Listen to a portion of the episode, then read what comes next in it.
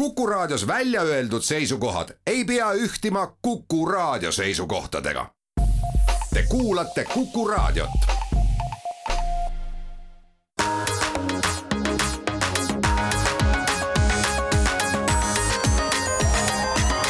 digitund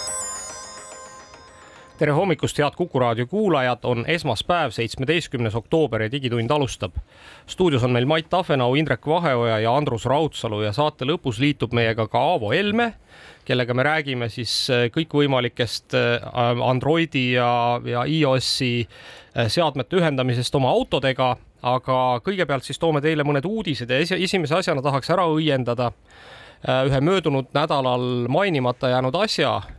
mis äh, ei ole oma äh, aktuaalsust kaotanud, nimelt äh, neljateistkümnes oktoober oli meil siis elektroonikajäätmepäev. ja see on siis selline päev, kus kõiki inimesi kutsutakse üles siis oma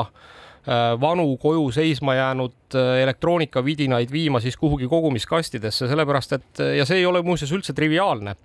sest keskmine inimene maailmas tekitab siis seitse koma kuus kilo elektroonikajäätmeid aastas iseenda kohta nii et noh, ma ei tea, Mait, Indrek, et kuidas teil on, et eh, palju teil kodus sahtlis vanu telefone vedeleb? no on vanu telefone ja on seal veel mingeid pilte ja, ja siis mingeid muid vidinaid, mõned eh, need MP3 mängijad ja, ja nii edasi ja nii edasi, et jah, on ikka küll, aga kuidagi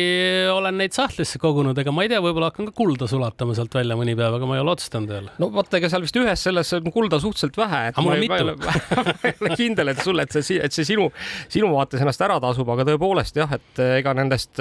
vanadest elektroonikaseadmetest saab tegelikult nii väärismetalle kui, kui kõikvõimalikke muid siis äh, selliseid komponente, millest saab jälle uusi elektroonikaseadmeid teha, nii et ilmtingimata ei pea maa sisse kogu aeg auke kaevama. ma isegi ütleks, et sellest koduelektroonikast on seda väärismetalli oluliselt odavam ja lihtsam kaevandada kui kuskilt nagu maa seest et äh, kindlasti nagu inimestel, noh, iga inimene in, isikulikult tegelikult ei ole, noh, teab, mis suur märkimisväärne osa sellest ja kõik mõtlevad, et noh, mis mina.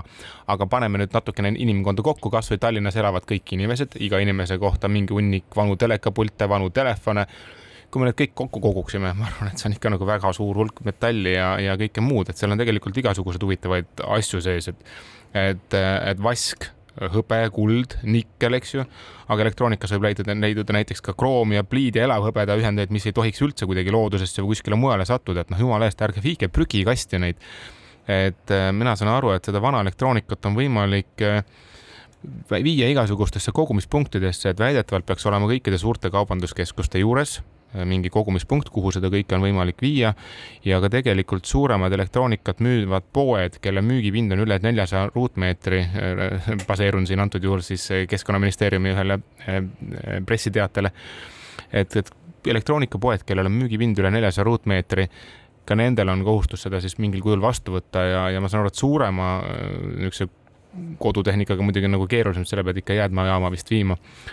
aga, aga kindlasti ei maksa seda kuskile toanurka jätta. ja, ja siis on ka üks selline lehekülg, mille nimi on kuhuviia.ee nii et kui teil tekib äh, ikkagi äh, küsimus, et kuhu siis äh, need enda sahtlis olevad vidinad viia, kui nad hakkavad ühel hetkel ette jääma, siis vaadake sellelt lehelt ja teate, kuhu nad siis viima peab see on see koht, kus peaks ütlema, et parim roheline jalajälg on see, et kui te üldse ei osta, eks ju, aga kui te ostnud olete, siis ärge jätke seda sahtlisse vedelema, kui ta on vanaks läinud, päriselt viige see ära. siit, siit ma muidugi ootan, et järgmine statement tuleb sult, Mait, et ostke endale Nokia telefon, mis kestab kümme aastat hmm. või võtke, otsige see kakskümmend üks kümme välja ja laadige ta aku uuesti no, ära. käia oma naabrite juures ka külas ja vaat, kus vaadata nende elektroonikasahtel ka üle ja sealt võib üht koma teist lõbusat leida. ma hea meelega, kusjuures ma hea meelega ütleks seda, aga kahjuks nende vanade telefonidega ei ole varsti midagi teha kuulge, aga lähme siit uudistega edasi. Lähme spordi juurde ja räägime e-spordist ka natuke ja neil päevil nüüd on käimas siis eh, jalgpalli e, e-jalgpalli Eesti meistrivõistlused ja viis eh, finalisti. Eh, siin selgitatakse välja, sellel nädalal on siis homme, kaheksateistkümnendal oktoobril on üks siis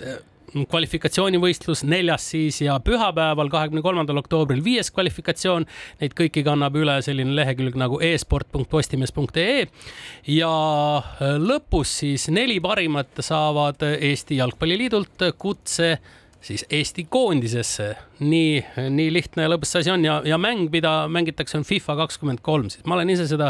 juba siin äh, saanud Playstation viie peal mängida ka ja no väga põnev, ma olen ise muidugi harukordselt kobavel, sest et äh, olen väga vähe mänginud, aga, aga seda, kuidas profid mängivad, seda on ikka väga kihvt vaadata. sa ei ole proovinud siis saada Eesti parimaks jalgpalluriks no,? sinna läheb veel aega võib-olla, sest läheb paar mängu ka veel enne, kui ma, kui ma nii kaugele jõuan, aga, aga ja siis Postimees kannab seda kõike üle ka ja aga lähme siit nüüd äh, tähtsamate uudiste juurde, et, äh, et ma arvan, et üks äh, eelmise nädala põnevamaid selliseid globaalsel skaalal kemplusi toimus siis Elon Musk'i ja ma isegi ei oska öelda, kelle vahel, võib-olla ta kemples iseendaga, nagu ta tihti teeb, aga võib-olla kemples ka USA keskvalitsusega. mine võta kinni nädala alguses teatas ta seda, et, äh, et Starlink, mis teatavasti siis Ukraina äh, sõjaväe üks põhiline andmevahetuskanal on, et, et, et, et talle, et, et siis SpaceX, kes siis Starlinki emafirma on, ei jõua seda enam kinni maksta. Elon Musk ütles vist, et see maksab talle umbes nelisada miljonit aastas nende Starlinki siis Ukraina ühenduste ülevalpidamine, noh, see tähendab siis ilmselt neid nii lõppseadmeid kui siis seda ühenduvust ja nii edasi ja, ja ütles, et, et siis ta ikkagi ei, ei suuda seda enam jätkata ja otsib siis kuskilt abi, noh, pöördudes muidugi Pentagoni poole, öeldes, et, et noh, et kui juba sinna Ukrainasse saadetakse kõikvõimalikke relvi ja muid asju, et et siis eh, miks ei võiks siis ka USA keskvalitsus siis ikkagi võtta ja maksta kinni selle Starlinki ja, ja noh, ütleme, et seal siis vahepeal oli õhus siis ka lausa see, et kas siis Starlink läheb kinni ja noh, see on ikkagi olnud päris suur probleem, sellepärast et et nii palju, kui mina olen aru saanud, siis ikkagi nendel noh, ütleme, et rindejoone lähedastel aladel, kus mitte midagi muud ei tööta, siis see on ainus äh, vahend, millega sidet peetakse. kusjuures siin on ikka nii palju küsimärke praegu, et ühest küljest me tegelikult saame aru, et noh, Starlink ei saa olla mingisugune heategevus, et noh, et aga teisest küljest ei tohiks olla ka nagu ärivõimalus, et see on üks parim pealkiri, mida ma eelmine nädal leidsin. no sõda on ju parim ärivõimalus üldse läbi aegade olnud ja teistpidi ma kohe siin segan vahele, olen ise ka teemat uurinud ja see asi ei ole sugugi nii, et Starlink ise selle kõik kinni maksab, sest et suure osa seadmetest ongi kinni maksnud seal Ameerika Ameerika Ühendriigid, Poola ja, ja sama vist peaks olema ka selle äh, siis kuutasudega, et seda ka Starlink otseselt ei sponsoreeri, nii aga Elon Musk äh, siukse noh, kavala ärimehena loomulikult näeb oma võimalust. aga ma ütleks, et siin ongi siuke nagu error nüüd praegu selles sees, et tavainimesele müüakse ühendust, noh, pehmelt öeldes väga odava raha eest. noh, kui suur äriplaan tegelikult Muskil nagu on selle taga, et noh, kui pikalt nad seda finantseerida kavatsesid ja mis see tasuvusaeg on ja nii edasi. aga noh, natukene, mis teebki keeruliseks, et noh, sõjamasinate puhul me tegelikult noh, need koju kunagi ei osta, me tegelikult ei taju, eks ju, ja ongi kallid hinnad ja nii ongi aga mis ajab inimestel, ma arvan, hetkel nagu kõige rohkem harja punaseks on asjaolu, et noh, et hetkel, hetkel riikide käest küsitakse nagu kordades, kordades, mitte lihtsalt kordades, vaid kümnes korras pehmelt öeldes nagu või kümnetes kordades suuremat raha sama võimaluse eest, mis koduinimene saab kätte pehmelt öeldes ei millegi eest ja, ja seal on nüüd seesama nagu noh, vastuolu, mil, mis tegelikult tekitab erroreid. samas teisest küljest noh, kui te sisse läheksite sinna ärisse. no te saate aru, Elon Musk tegelikult müübki koju nagu tegelikult väga suure nagu pealemaksmisena seda sellepärast, et noh, muidu sa ei ostaks endale, kui ta nagu oleks ülikallis, et noh, see ongi keeruline, et kui suurele inflatsioonile nagu tegelikult nad üldse on panustanud. miks, miks sa oled kindel, et pealemaksmisega? Sellepärast ma kahtlustan, et see on ikkagi tegemist üsna nagu kalli tehnoloogiaga, millega üldse nagu ühendusi nagu kellelegi koju viia, et see ajalooski ei ole nüüd ükski satiühendus väga odav olnud, eks ju, ja need tasuvusaeg ettevõtjal on ju kohutavalt pikk, eks, et, et ja millised riskid seal taga on, aga noh, eetika küsimus tekib siin ikkagi. nojah, ja ega siis nii nali naljaks, eks, aga, aga noh, nii nagu Elon Muskiga ikkagi tihti juhtub et eh, kust tuult sealt meelt ei oska öelda, kuidas tal see täpselt see asi käib, aga, aga igatahes siis eh, paar päeva hiljem eh, teatas ta Twitteris, et noh, ütleme, et otsetõlkes umbes nii, et ah, põrgu küll, onju et kuigi me siin kaotame kõvasti raha ja teised saavad miljardeid maksumaksja raha, siis me ikkagi maksame edasi no ma arvan, et seal oli võib-olla ka siis Ameerika valitsuse poolt äh, väikene selline kontrollkõne tehti. E, vist, vist muuseas juhtuski see, et ta ikkagi vahepeal noh, ma ei tea, kas kutsuti kuskile vaibale või igatahes Pentagoniga ta igatahes vahepeal suhtles, nii et noh, see, see väide on olemas jah, et. no Musk veel äh, väitis siin, ma lugesin, et, et ütleme, sõjaliseks otstarbeks kasutav äh, Starlink noh, kasutab kordades rohkem andmemahtu kui siis ütleme, üks tavaline kodumajapidamine. ma seda väidet isiklikult eh, noh, üle ei kontrollinud, sest ega sellele vist on päris eh, raske jälile ka saada, et kui palju siis üks, ütleme, selline drooni opereerimine seda mahtu võtab, aga, aga see oli ka üks tema väide, et miks need kulutused nii suured on. ja jah, no ütleme, et kui sa sealt loomulikult videot striimid, eks, ja suhteliselt hea lahutusvõimega, eks, et, et ikkagi aru saada, kus kes on, siis, siis tõenäoliselt küll jah aga, aga noh, ütleme, et, et, et tegelikult nüüd, kui väga asja laiemalt vaadata, siis muuseas möödunud nädalal toimus e-, Eestis ka üks oluline sündmus äh, rahvusvaheliselt, oli siis äh, Tallinn Digital Summit, mis on siis iga-aastane äh, selline noh, ütleme, et riigijuhtide, suurte tehnoloogiajuhtide kokkusaamine üle maailma, mida siis korraldab Eesti valitsus ja kus üks põhiteema oli siis äh, trusted connectivity ehk siis äh, seesama, et, et, et kuidas siis äh, tagada seda, et, et, et, et tegelikult need ühendused meil ka toimivad ja see on, see on suur probleem, seepärast et kui me mõtleme, et, et lõppkokkuvõttes kõiki neid ühendusi pakuvad ju täna noh, erafirmad, eks, et, et ei ole seal mingisuguseid noh, ma ei tea, riiklikke või rahvusvahelisi internetiühendusi, eks maade vahel või, või, või ka riigisiseselt mis tähendab tegelikult seda, et, et noh, ühest, ühest küljest on oluline siis, kes nende erafirmade noh, nii-öelda taga seisavad, eks, et, et, et noh, jumal tänatud, et ei, ei ole selgunud, et, et, et kõik või noh, ma ei tea, näiteks pooled maailma internetipakkujad kuuluvad kuidagi Gazpromile või, või midagi sellist, eks, mis, mis noh, ka ei oleks ju ilmselt täiesti kujutlematu, et et õnneks siis Putin ilmselt seda relva ei ole veel avastanud või noh, mine tea. no vot teisest küljest. loodab, loodab, loodab, loodab oma häkkerite peale võib-olla. aga siia kõrvale sobib ka eelmisest nädalast üks teine uudis, kus Hiina valitsus väga selgelt palus Hiinal, Elon Muskil mitte Hiinas pakkuda niisugust teenust ja jah, et, et, et tegelikult, tegelikult on äh, ikkagi päris oluline see, et, et kes meie ühenduse pakkujad on, kust nad tulevad äh, noh, kuidas nad oma raha teenivad, see ka muuseas on oluline, sellepärast et, et kui nad ikkagi noh, nagu kui see nende ühenduse pakkumine noh, neile iseenesest ärina raha sisse ei too, siis peavad ju oma raha nad teenima kuskilt mujalt ja noh, siis tekib küsimus, et kust see raha siis tuleb. nii et, nii et need on asjad, millega, millele ma loodan, et ka Eesti keskvalitsus jätkuvalt pöörab tähelepanu ja, ja, ja, ja noh, loodame siis, et, et meie kunagi ei ole olukorras, kus me peame mõtlema, et, et kuidas see internet meieni jõuab, aga siitkohalt lähme väikesele reklaamipausile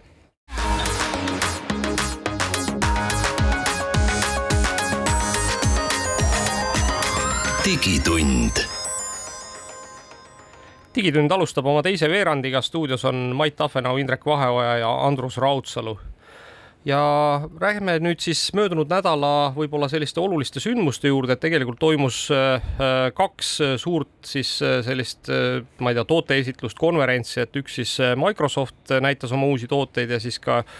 Meta näitas siis oma uusi metaversumi tooteid. Mait, mida sa sealt Microsofti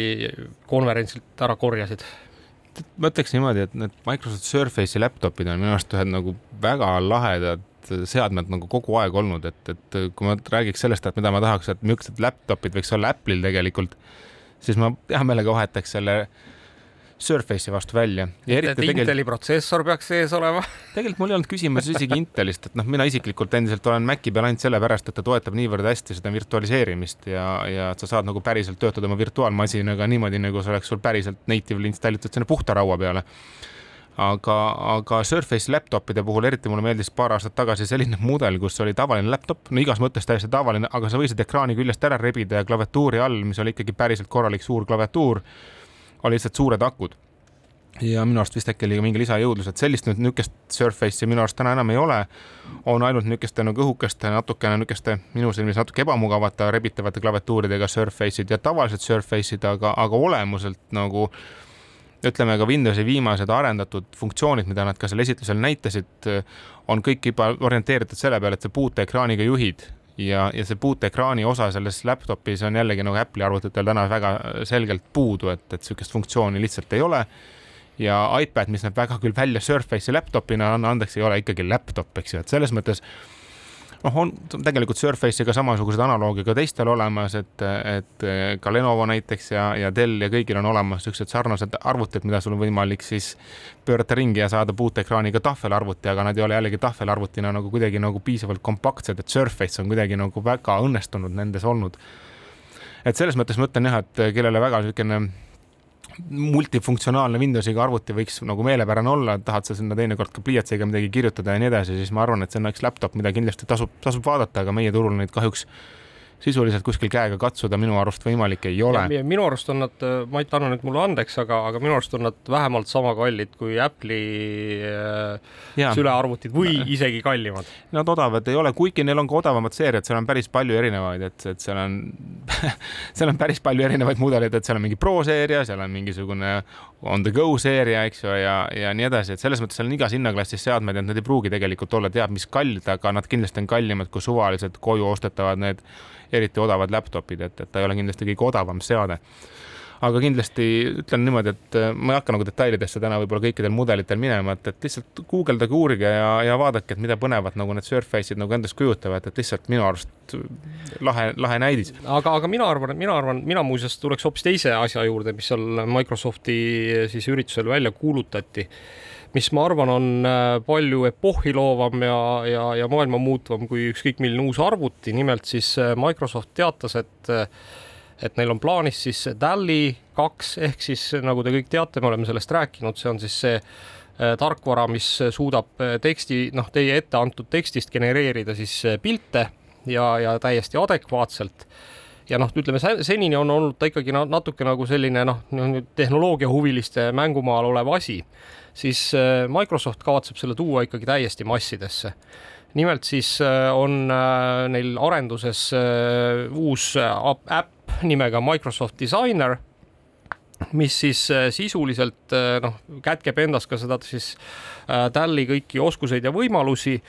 Ja, ja noh, ütleme sisuliselt, sisuliselt tekib siis üks aplikatsioon, kus inimesed saavad noh, väga lihtsalt luua virtuaalseid maailmu. Kas äh, on seal mõeldud ka selle peale, et inimesed ei kuritarvitaks äh, seda virtuaalset maailmat, et ei hakata fake'e siis looma, äh, noh, ma ei tea, erinevatest alastipiltidest kuni vägivaldsete ja ma ei tea, milliste asjadeni välja? no seal äh, jah. mitte, et ma ise kohe seda tahaksin teha, aga, aga mine tea, eks. eks noh, tegelikult, tegelikult on ju kõikides nendes süsteemides olemas mingisugune selline noh, ma ei oska öelda siis valvur on ju, mis. virtuaalne nänni. just, just, mis, mis siis, mis siis ikkagi vaatab, et aga, aga ausalt öeldes ega ega ma, noh, eks me saame näha, eks, et, et täna seda veel äh, kohe saadaval ei ole, aga siis seesama Microsoft Designer äh, saab olema siis Microsofti Office'i tarkvarapakettide üks osa, nii et, äh, nii et noh, ütleme, et sisuliselt ikkagi tähendab see seda, et noh, et, et kui sul on nagu Word ja Excel, siis sul on tõenäoliselt ka disainer. Ja noh, ütleme nende enda, eks äh, mõtted äh, selle juures on see, et, et tõepoolest tegelikult inimesed saavad sealt nagu ikkagi noh, ütleme lisaks sellele, et sa saad noh, mõnele kuulsusele panna palja alakeha külge, eks on, on, on tegelikult ka palju muid võimalusi, et, et, et, et lõppkokkuvõttes saab noh, mingisuguseid, ma ei tea, oma keskkondi disainida näiteks, kusjuures äh, nali naljaks, just paar päeva tagasi nägin Facebookis ühte siis sellist noh, nagu küsimust, kus üks Äh, Tallinna Ülikooli äh, siis äh, juhtivteadlane oli siis noh, tahtis teha oma tüüpi, oma siis, siis tiimiga kuskil Äh, mingisuguse sellise noh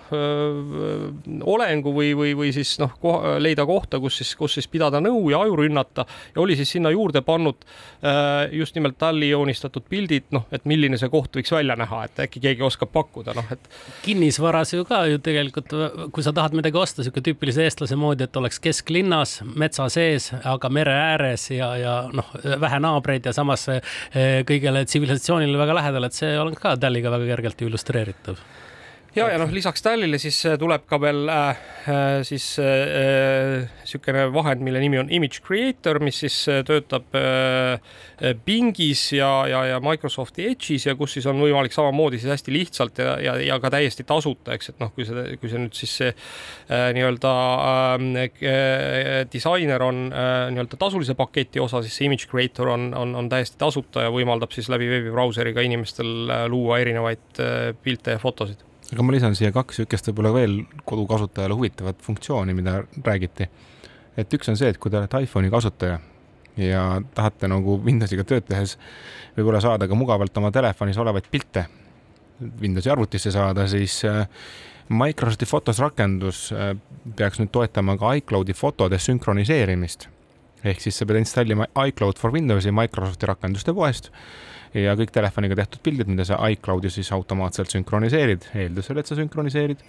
saad sa automaatselt üle õhu enda siis Windowsiga seotud arvutisse, et sa ei pea enam natukene rohkem vaeva nägema, et see integratsioon läheb paremaks.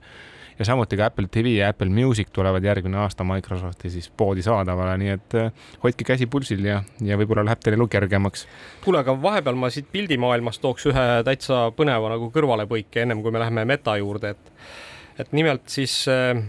on meieni jõudnud info, et, et maailma suurim digikaamera on saanud valmis, et teda on ehitatud siis viimased kaks aastat. Ja selle digikaamera siis resolutsiooniks on siis kolm tuhat kakssada megapikslit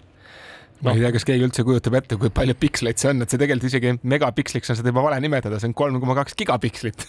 Just, et, et no ega, ega hästi ei kujuta, aga noh, ütleme selles mõttes, et, et täna loomulikult ühtegi sellist kaamerasensorit ei ole olemas, millest seda ehitada, et noh, lõppkokkuvõttes ehitati teda ikkagi nagu olemasolevatest komponentidest. et seal on siis kasutatud sada kaheksakümmend üheksa kaamerasensorit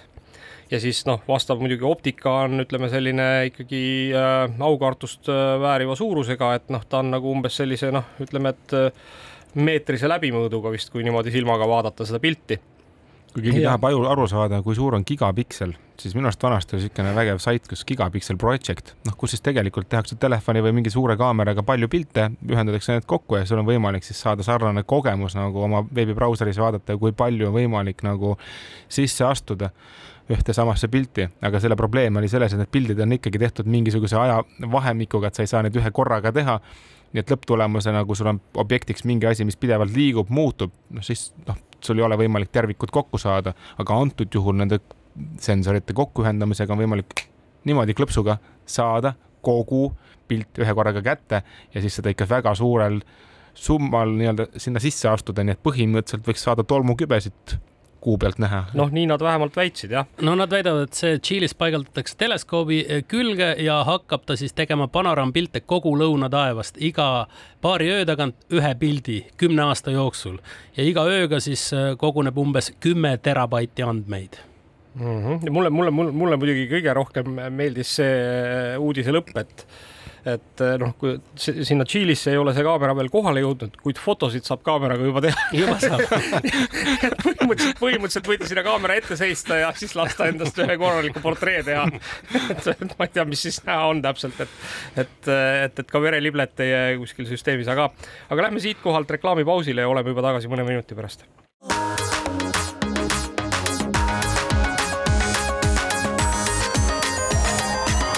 digitund digitund jätkab oma teise poolajaga, stuudios on Mait Tafenau, Indrek Vaheoja ja Andrus Raudsalu. Ja kui me nüüd rääkisime eelmises äh, saateveerandis Microsofti äh, sündmusest, mis toimus eelmisel nädalal, siis lähme seekord Meta juurde ja ja noh, ütleme, et äh, kõigepealt muidugi oleks mul siin ikkagi kõigile kuulajatele üks rõõmusõnum nii et kui me oleme siin pikalt hambaid teritanud nende ähm, meta siis virtuaalmaailmates ringi hõljuvate avataride teemal, kes on sellised ilma jalgadeta torsod, kes kuidagi nagu jah, just nimelt ringi hõljuvad, siis äh, äh, noh, ilmselt on siis ikkagi äh, IT-jumalad võtnud rahvast kuulda Mark Zuckerberg lubab tulevikus avataridele ka jalgu. jalgu ja, sest seal on ka muidugi business võimalus, tossud, virtuaalsed tossud, mida müüa saab, sest praegu see koht läheb kõik kaduma aga sellega on ka nagu palju räägitud juba teist poolt, et noh, seal on tõenäoliselt mingi väga olulised põhjused, miks neid jalgu seal ei ole.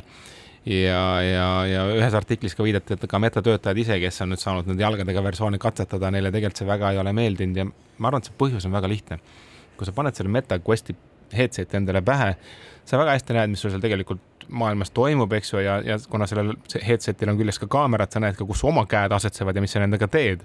aga sul ei ole ühtegi sensorit, mis näeks, mis su jalad teevad. ja nüüd, kui sa käid seal metamaailmas ringi ja sa vehid seal jalgadega enda arust toas, siis ja seal versumis nagu samal ajal on jalad nagu väga staatiliselt paigal või teevad midagi muud, see on väga suur vastuolu. et, et ma arvan, et see põhjus on tegelikult selles, et, et sul ei ole jalgade küljes sensoreid. mulle, mulle tundub, et seal on üks probleem veel, et vaata, kuna see ikkagi nagu paljuski tehti ju alguses niisuguse konverentskõnede pidamise süsteemina, eks. ja noh, loomulikult, eks siis noh, sa istud ju konverentskõnes laua ääres, eks ja, ja laua peal olev kaamera suudab jälgida sinu pead ja ülakeha taha ja kujutate nüüd ette, et, et pannakse lauale veel üks kaamera. meil on siin konverentsiruumis ka lauaalune kaamera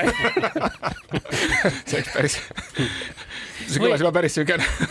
valesti. või on asi lihtsalt selles, et Zuckerbergile ei meeldi jalad ja ta vihkab jalgu ja sellepärast need ei olegi. kuulge, aga nali naljaks, räägime tõsistest asjadest ka, et ega seal ikkagi ainult nalja ei tehtud. no ja tegelikult oluline on teada siis selles, et kui praegu on olemas siis poes kättesaadav Quest kaks, eks ju, mis siis endiselt sisaldab headset'i ja kahte käes olevat kontrollerit, siis tegelikult on olemas nüüd äh, ka Quest Pro ja Quest kolm. Quest kolm peaks tulema välja nüüd kaks tuhat kakskümmend kolm aasta alguses maksma suurusjärgus sama palju, et hinda, indikatsioon oli umbes kolmsada, nelisada, viissada dollarit, et kuskil sealt tsoonis.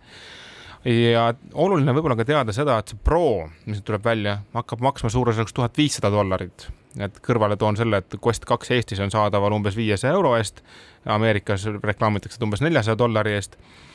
et, et see Pro maksab, ütleme jämedalt siis kolm korda rohkem, aga aga kui ma nüüd lugesin neid võimalikke spekke ja, ja kõiki asju, siis, siis tegelikult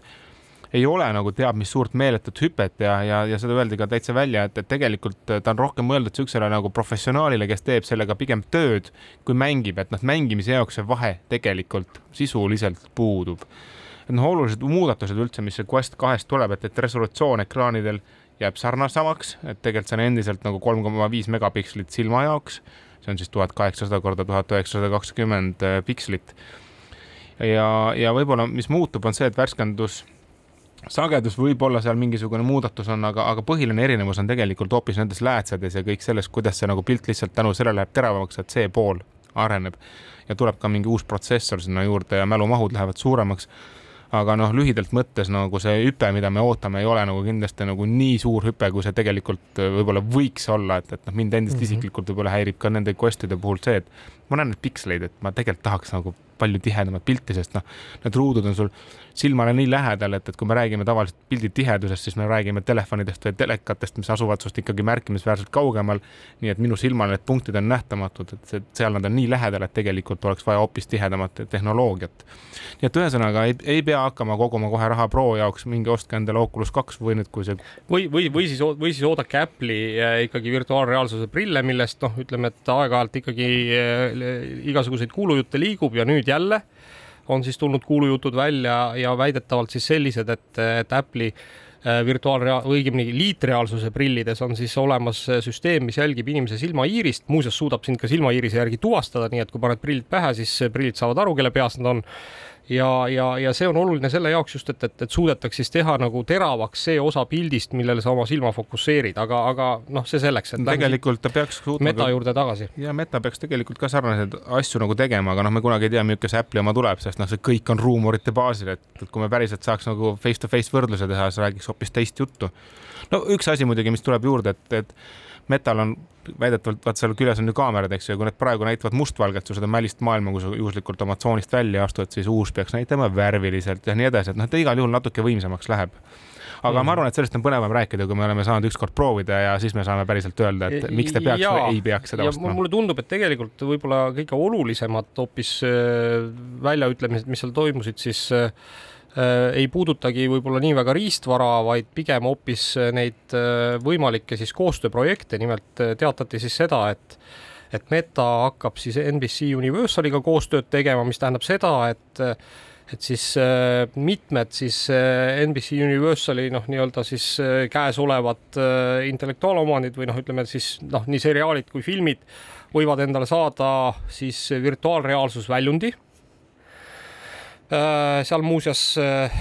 oli juttu ka sellisest äh, noh, tuntud seriaalist nagu The Office.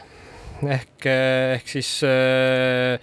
saame, jääme huviga ootama, et, et, et mismoodi siis, mismoodi siis see virtuaalreaalsuses välja hakkab nägema. Ja ma arvan, et mis veel põnevam, on see, et tegelikult hakkavad siis ikkagi sinna meta virtuaalreaalsusesse kolima ka mitmed mängud, noh, esiteks teatati koostööst siis Microsofti äh, siis pilvemängusüsteemiga, nii et põhimõtteliselt on võimalik siis neid asju, mida Microsoftis striimida, on võimalik ka siis nii-öelda meta headset'is noh, kuidagi nagu vaadata ja, ja, ja, ja siis kirsiks tordil kõigile nagu siis mängusõpradele on see, et Among Us tuleb virtuaalreaalsusesse kusjuures võib-olla see on hea koht natukene võib-olla ka meenutada sellele kuulajale, kes ei tea, mis need Oculus Quest kaks tähendavad, et tegemist on headset'iga, mis on täiesti iseseisev, teda on võimalik arvuti külge ühendada, aga ta on täitsa iseseisev, sa paned ta pähe, sul ei ole midagi tegelikult juurde vaja, saad teda kohe kasutada. ja sellega on võimalik mängida mänge, aga võid kujundada endale ka virtuaalse elutoa, kus on televiisor või tööarvuti ja sa võid seal panna need kõik need, paigutada ekraane nii palju, kui sa tahad ja nii edasi, et see tegelikult, see on päriselt niisugune virtuaalmaailm, kus astudki oma virtuaalsesse koju, mängid mänge, vaatad telekat, vaatad filme, minu pärast äh, ka meie enda telekanalid nende rakenduste poes olevate rakenduste kõigega, et noh, see on tegelikult nagu päris äh, päris äge. no sa veidi aega tagasi ütlesid, et tööks kasutada, kas tööks kasutavad teda ennekõike siis disainerid, kujundajad ja, ja sellised aga tüübid? sa võid ka täitsa programmeerija, võtad selle brauseri lahti ja lähed äh, oma mõnda veebileheküljele, kus sul on kõik vajalikud asjad olemas ja saad seal tööd teha, et, et äh, tõesti, mis iganes eesmärgil. võimalusi on palju, eks. sa pead lihtsalt ära taluma selle võib-olla nagu selle resolutsiooni, mis on endiselt minu arust nagu kohmakas ja kõik muu, aga, aga tehniliselt saad teha virtuaalse kontori, kus päriselt teed tööd ja paned ümberringi endale nii palju ekraane, kui sa tahad, et mitte üks või kaks, minu pärast viis ja või, või noh, viiskümmend või hästi suured, mis iganes. aga, aga räägime natuke veel tulevikutehnoloogiatest ka, et ma arvan, et et mõnes mõttes kõik sellised äh, üritused on äh, toredad ja olulised, aga olulised on ka selle poolest, et näidatakse midagi või räägitakse vähemalt millestki, mis, mis, mis veel ei ole saadaval, mis tõenäoliselt ei muutu järgmisel aastal ühekski tooteks. aga, aga sellel metaüritusel olid siis, ma arvan, et võib-olla kaks äh, sellist olulist tehnoloogiat, et et üks oli siis see, et näidati noh, ütleme, et ka tuleviku siis nii-öelda virtuaalreaalsuse äh, prille, mille, millega olid siis liidetud või millega oli liidetud kontroller, mis siis e-, elektromüograafiliselt äh, võimaldas siis äh, juhtida siis seda seal maailmas toimuvat. Ja see tähendab seda, et sulle noh, pannakse siis kuhugi randme ümber üks selline väikene võru, mis mõõdab siis nii, nii lihaste liikumist kui siis mingisuguseid elektriimpulsse, mis seal lihastes jooksevad. Ja sisuliselt väidetavalt on siis põhimõtteliselt võimalik mõttejõul hakata maailma kontrollima. ehk, ehk, ehk, ehk siis see noh, kuna need sensorid on niivõrd täpsed ja, ja, ja tundlikud, siis nad suudavad väikseid äh, impulsse mõõta ja, ja, ja see kindlasti saab olema noh, täiesti ikkagi noh, maailma muutev muutus, kui, kui see ühel hetkel äh, kohale jõuab. teine oluline asi on see, et äh, Meta näitas siis sellist äh, noh, ütleme metoodikat, kuidas juba võib-olla siis lähiajal, eks saab hakata suvalise telefonikaameraga noh, ükskõik kel, kellest või millest siis tegema nagu korralikke 3D objekte, mida saab siis sinna virtuaalmaailmasse istutada, ehk sisuliselt noh, ma ei tea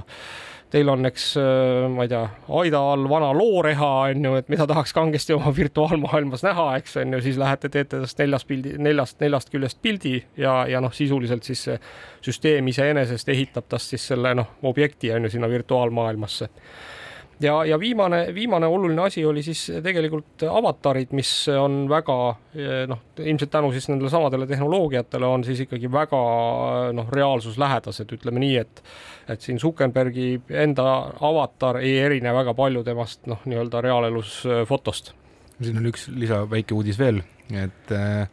Meta juurutab siis programmi, kus siis tuvastada inimese vanust, äh, kui sa teed siis selfie, jah et selle järgi, et palju õnne nendele, kes näevad väga palju nooremad välja, kui nad tegelikult on, aga aga et ühesõnaga sa ei saa pilte üles panna, kui sa ei suuda tõendada, et sa päriselt oled nii palju vanem, kui sa peaksid no, olema, et seda platvormi kasutada. vaata, vaata, nüüd hakatakse müüma ka siis äh, selle Facebooki identifitseerimise jaoks vanaldavat kosmeetikat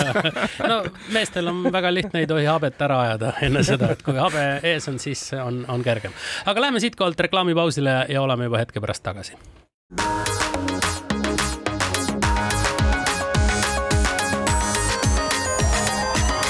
Digitund. digitund alustab oma viimase veerandiga, stuudios on Mait Tafenau, Indrek Vaheoja ja Andrus Raudsalu. ja nüüd on meil külas Aavo Helme, kes on äh, väga pikaajalise äh, siis staažiga auto audioentusiast ja, ja ka autoentusiast, et räägime Aavoga siis sellest, et et, et kuidas siis täna ikkagi äh, need digitaalsed seadmed tänapäeva autodega just nimelt äh, kokku lähevad, sellepärast et noh, see suur tulevik, mida me, kus me kunagi kõik istume Sony autos äh, tagapingil ja vaatame kõikidelt autoakendelt võib-olla mingit järgmist Star Warsi seeriat, siis see on veel mõne aasta kaugusel, aga, aga räägime sellest, mis siis juba täna äh, on võimalik autos teha ja kuidas üldse täna meie autod saavad hakkama meie digitaalse maailmaga no jaa, kui me oleme praegu raadios, siis, siis äh, kuidas see raadio sinna autosse jõuab ja, ja kuidas ta muutunud on, et varem oli ju autoraadio, oli selline tore keskne seade auto armatuuris, oli kaks nuppu, ühega said valida helitugevust ja teisega seda sagedust, mida sa kuulasid, eks ole. ja, ja siis tekkisid sinna autosse ju igast muud asjad, tekkis mingi äh, naviseade, mille me kinnitasime tuuleklaasile ja siis tekkis vajadus äh, hands-free järele, et siis me ühendasime kuidagimoodi selle asja veel telefoniga ära, alguses juhtmega ja pärast juhtme vabalt äh, ja sealt tase edasi, see oli see, et inimesed harjusid ära, et telefonis olid need igast huvitavad rakendused, näiteks äh, Waze või, või mingisugune podcast'i äpp, et äh, et kuidas seda sinna raadiosse saada ja, ja vahepeal oli ka moes selline asi, et et mingid järeltururaadiod suutsid su telefoni ekraani peegeldada äh, sinna autoraadio peale. ja, ja suured äh, tootjad äh, jagasid asja ära, et on vaja teha mingi äpp äh,, Apple tegi siis oma CarPlay, Android tegi Android Auto äh,, et sa saaksidki oma telefoni ja auto mõnusalt ära siduda. aga sealt tase edasi on, on nüüd see, et et paneme sellesama Androidi sinna autosse juba sisse ja meil ei ole vaja midagi telefoniga ära ühendada, selle asja nimi on Android Automotive. ja, ja uuematel autodel on, on seesama Android on juba sinna autosse sisse ehitatud, see ekraan, mida sa vaatad, on noh, peaaegu samaväärne mingisuguse telefoni või tableti ekraaniga, aga ta on juba integreeritud sinu autosse nii et põhimõtteliselt saad minna kohe autoekraanilt rakenduste poodi, tõmmata endale Spotify, podcast'i rakenduse, mida iganes sa tahad, Waze'i. teoreetiliselt on see nii jah, äh, seal on muidugi piirangud. Tegelikult, kui vaadata seda programmeerimise juhendit, siis Android Auto ja Android Automotive on väga sarnased, noh, seal on mingisugused asjad, et sa ei tohi sõidu ajal videot striimida, mingeid selliseid asju teha, et sa ilmselgelt tegeleksid ikkagi juhtimisega niikaua, kuni auto ise ennast ei juhi aga see on siis operatsioonisüsteem, mis juhiks siis seda multimeedia osa või seda ninni-nänni osa, eks ole, ükski autotootja, nii palju kui mina tean, ei taha sind lasta ligi veel oma nagu põhilistele funktsioonidele, roolimine, pidurdamine, need rea hoidmised ja sellised asjad, aga, aga et see, inimesed tahavad, et see autoekraan, noh, sisaldaks sama asju, mis nende telefon, muidu nad peavad seda telefoni kuskile sinna riputama ja kas sa saad nimetada mõned, mõned autod ka, millel on juba täna Android Automotive siis nii-öelda olemas? jaa, no Eestist võid osta näiteks uuematel äh, Volvodel on Android Automotive, äh, Polestaridel, noh neid vist müüakse vähem. näiteks äh, uus Alfa Romeo Tonale, just nüüd tuli välja vaatasin ka, tegin väikse proovisõidu sellega vaatasin, et ekraan on kuidagi nagu väga ilus ja väga mugav ja väga responsive. müügimees muidugi ei teadnud, mis seal taga on, aga aga guugeldades siis selgub, et seal on Android Automotive peal. nii et tegelikult Stellantise grupp, mis koondab ju metsiku hunniku neid äh, autotootjaid, me peame siis telefonist vaatama, palju neid seal on, aga seal on, seal on ju kõik äh, itaallased, eks ole, seal on Ameerikast äh, Dodge ja Ram, seal on Opel, seal on prantslastest Citroen noh, need alfad äh, ja, ja, ja Fiatid, need said juba öeldud. nii et nemad, äh, USA-s on GM, äh, mis on kaasas Ford ja, mitte Ford, Fordi kohta täpselt ei tea Äh, just oli uus Mustang välja, aga keegi ei julge öelda, mis seal peal on, Ford ise on vait kui sukk, on ju, et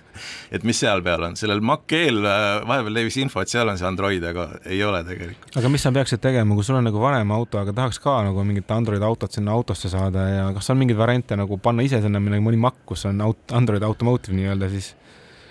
Või vähemalt äh, mingi Androidiga platvorm? jah, aga kui sa paned selle Maci, siis sa paned selle, võid panna tavalise Androidiga Maci, eks ole et see automotive nagu lisab mingisugused äh, integratsioonid äh, auto endaga, aga sa võid selle asja ju noh, nii-öelda käepärastest vahenditest ise kokku klopsida. noh, kuni selleni välja, et paljud ju panid vahepeal tahvleid autosse, et, et saaks neid äppe seal lihtsalt mõnusalt kuvada. oled sa proovinud ka mõnda, kas need töötavad ka üldse? Äh, jaa, täitsa töötavad, vot selle äh, tahvliga ongi see jama, et kui sa nüüd annad selle auto oma naisele sõita näiteks või, või lapsele või ma ei tea, emale, on ju, siis ta ei oska sellega midagi peale hakata, kus see raadiot saab kuulata, noh ei saagi, eks ole, kuidas sinna tahvlisse ära ühendada, aga aga paljud need järeltururaadiod on tegelikult Androidiga, et seal on, raadio on üks nendest äppidest, noh nii nagu uues Android autoski on raadio, lihtsalt üks äppidest. ja seal on siis võimalik panna nii nagu telefoni, tõmbad kõik äpid, mis sulle meeldivad, noh, tõmbad näiteks selle OBD äpi, paned selle OBD äh, pesasse, paned selle sinihambaga vastava seadme ja, ja vahid seal igasuguseid kellasid, mis sul seal, ma ei tea, mingid lambdad või või mingid muud näitajad äh, auto puhul teevad, mida iganes sealt OBD-st kätte saad, eks ole. nii et selliseid asju. ma ise sõitsin tükk aega sellise Hiina seadmega, kus äh, lemmik oli, et siis pool ekraani oli Waze ja teine pool oli siis mingisugune muusikarakendus, noh näiteks mingi podcast'i oma või siis äh, näiteks Spotify ja, ja sul on siis liiklusinfo ja sul on, sul on mingi muusika olemas. mul on kogu aeg väike hirm olnud nende Androidi makkide ees selle poolest, et kui sa ostad tavalise auto, kus on tavaline makk, siis noh, ta töötab ja teeb oma lihtsat funktsiooni väga hästi. aga kogu see Androidi ja Apple'i maailm on ehitatud selle peale, et sa iga paari aasta tagant ostad uuema seadme, kus on uuem operatsioonisüsteem ja kõik muu ja vanu rakendusi ja kõike muid sa enam ei saagi sinna tõmmata, et sul varsti on see mingi kiviaegne makk seal konsoolis, et mis teed siis? Jah, no aga tegelikult niikaua, kui need asjad kõik töötavad, noh, ma ei tea, ma isegi ei mäleta, et ma oleks selle Androidil seal kõvasti versiooni uuendanud oma, oma armatuurlauas. vot ma ei kujuta ette, kuidas autotootjad on selle asja kokku leppinud, aga, aga võib-olla mingi baasrakendused on need, mis jäävad sisse, aga mingil hetkel veisi seal sees ei saa, eks ju ei no ma arvan, ma arvan, et seal on alati see võimalus, et eh, kui sa lähed auto nagu korralisse hooldusse, siis eh, uuendatakse sul see tarkvara ka seal ära. no aga nagu paari nagu... aastate pärast on see protsessor seal liiga lahja. et ilmselt jah, see nii ekraan kui protsessor jääb mingil hetkel, eks ole, piirama ja siis sa, siis sa jääd selle vana versiooniga, noh, ma kujutan ette, et need äpid, mis sul tol hetkel olid, need jäävad lihtsalt tööle ja kui keegi avastab seal mingi turvaaugu, siis, siis on palju õnne, onju.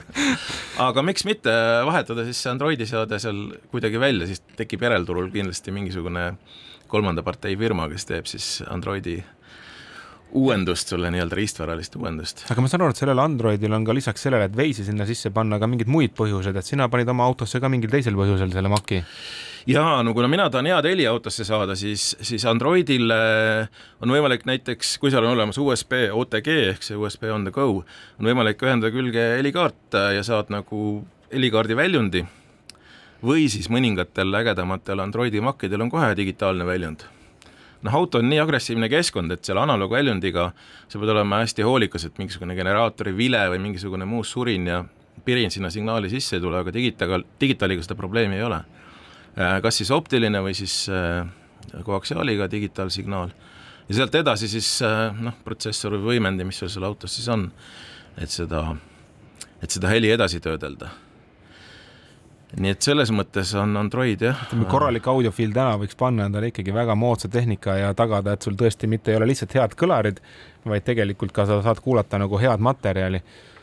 no siit, siit muidugi ma, ma juba, ma näen siin nagu tõelisi nagu võimalusi on ju, et noh, et mulle õudselt meeldis see, et, et Aavo ütles, et sa saad panna helikaardi yeah.. ehk et, et siis noh, et tekib auto helikaartide turg on ju. Mhm. et mis helikaart su autos on, noh, mingi võib-olla ühel hetkel tekib ka graafikakaartide turg, et mis graafikakaart su autos on no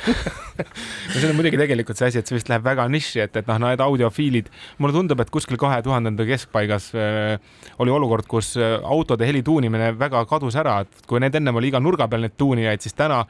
klassikaline auto tuleb juba nii palju hea heliga, et tavainimene ei viitsi pingutada ja nüüd see nišš, kes tahab seda ikkagi päriselt top of the top'i, siis temal on jällegi uusi võimalusi juurde tulnud.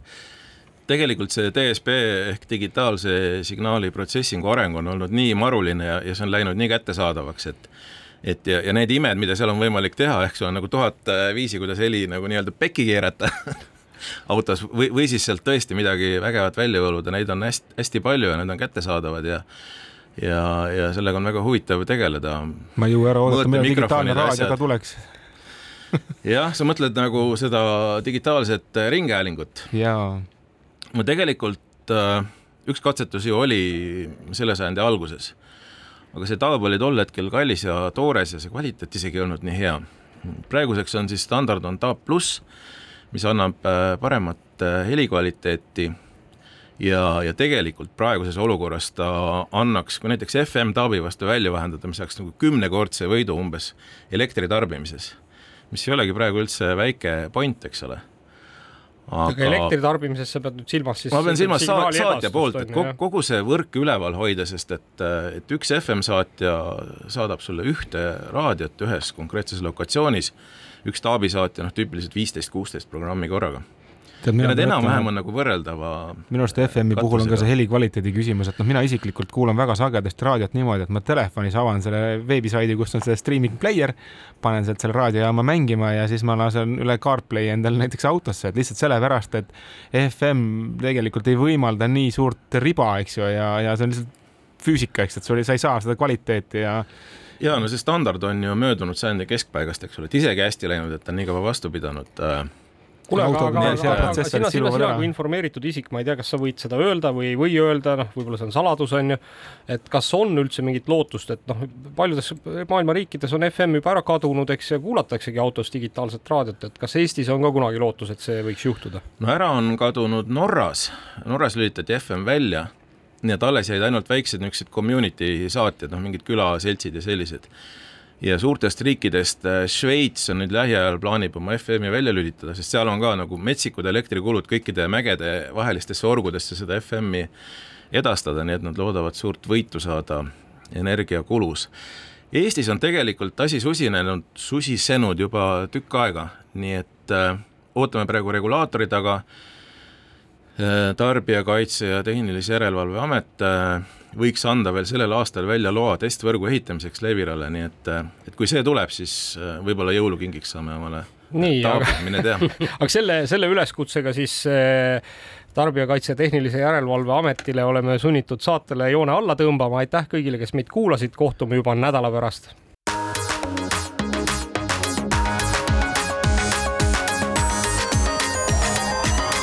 digitund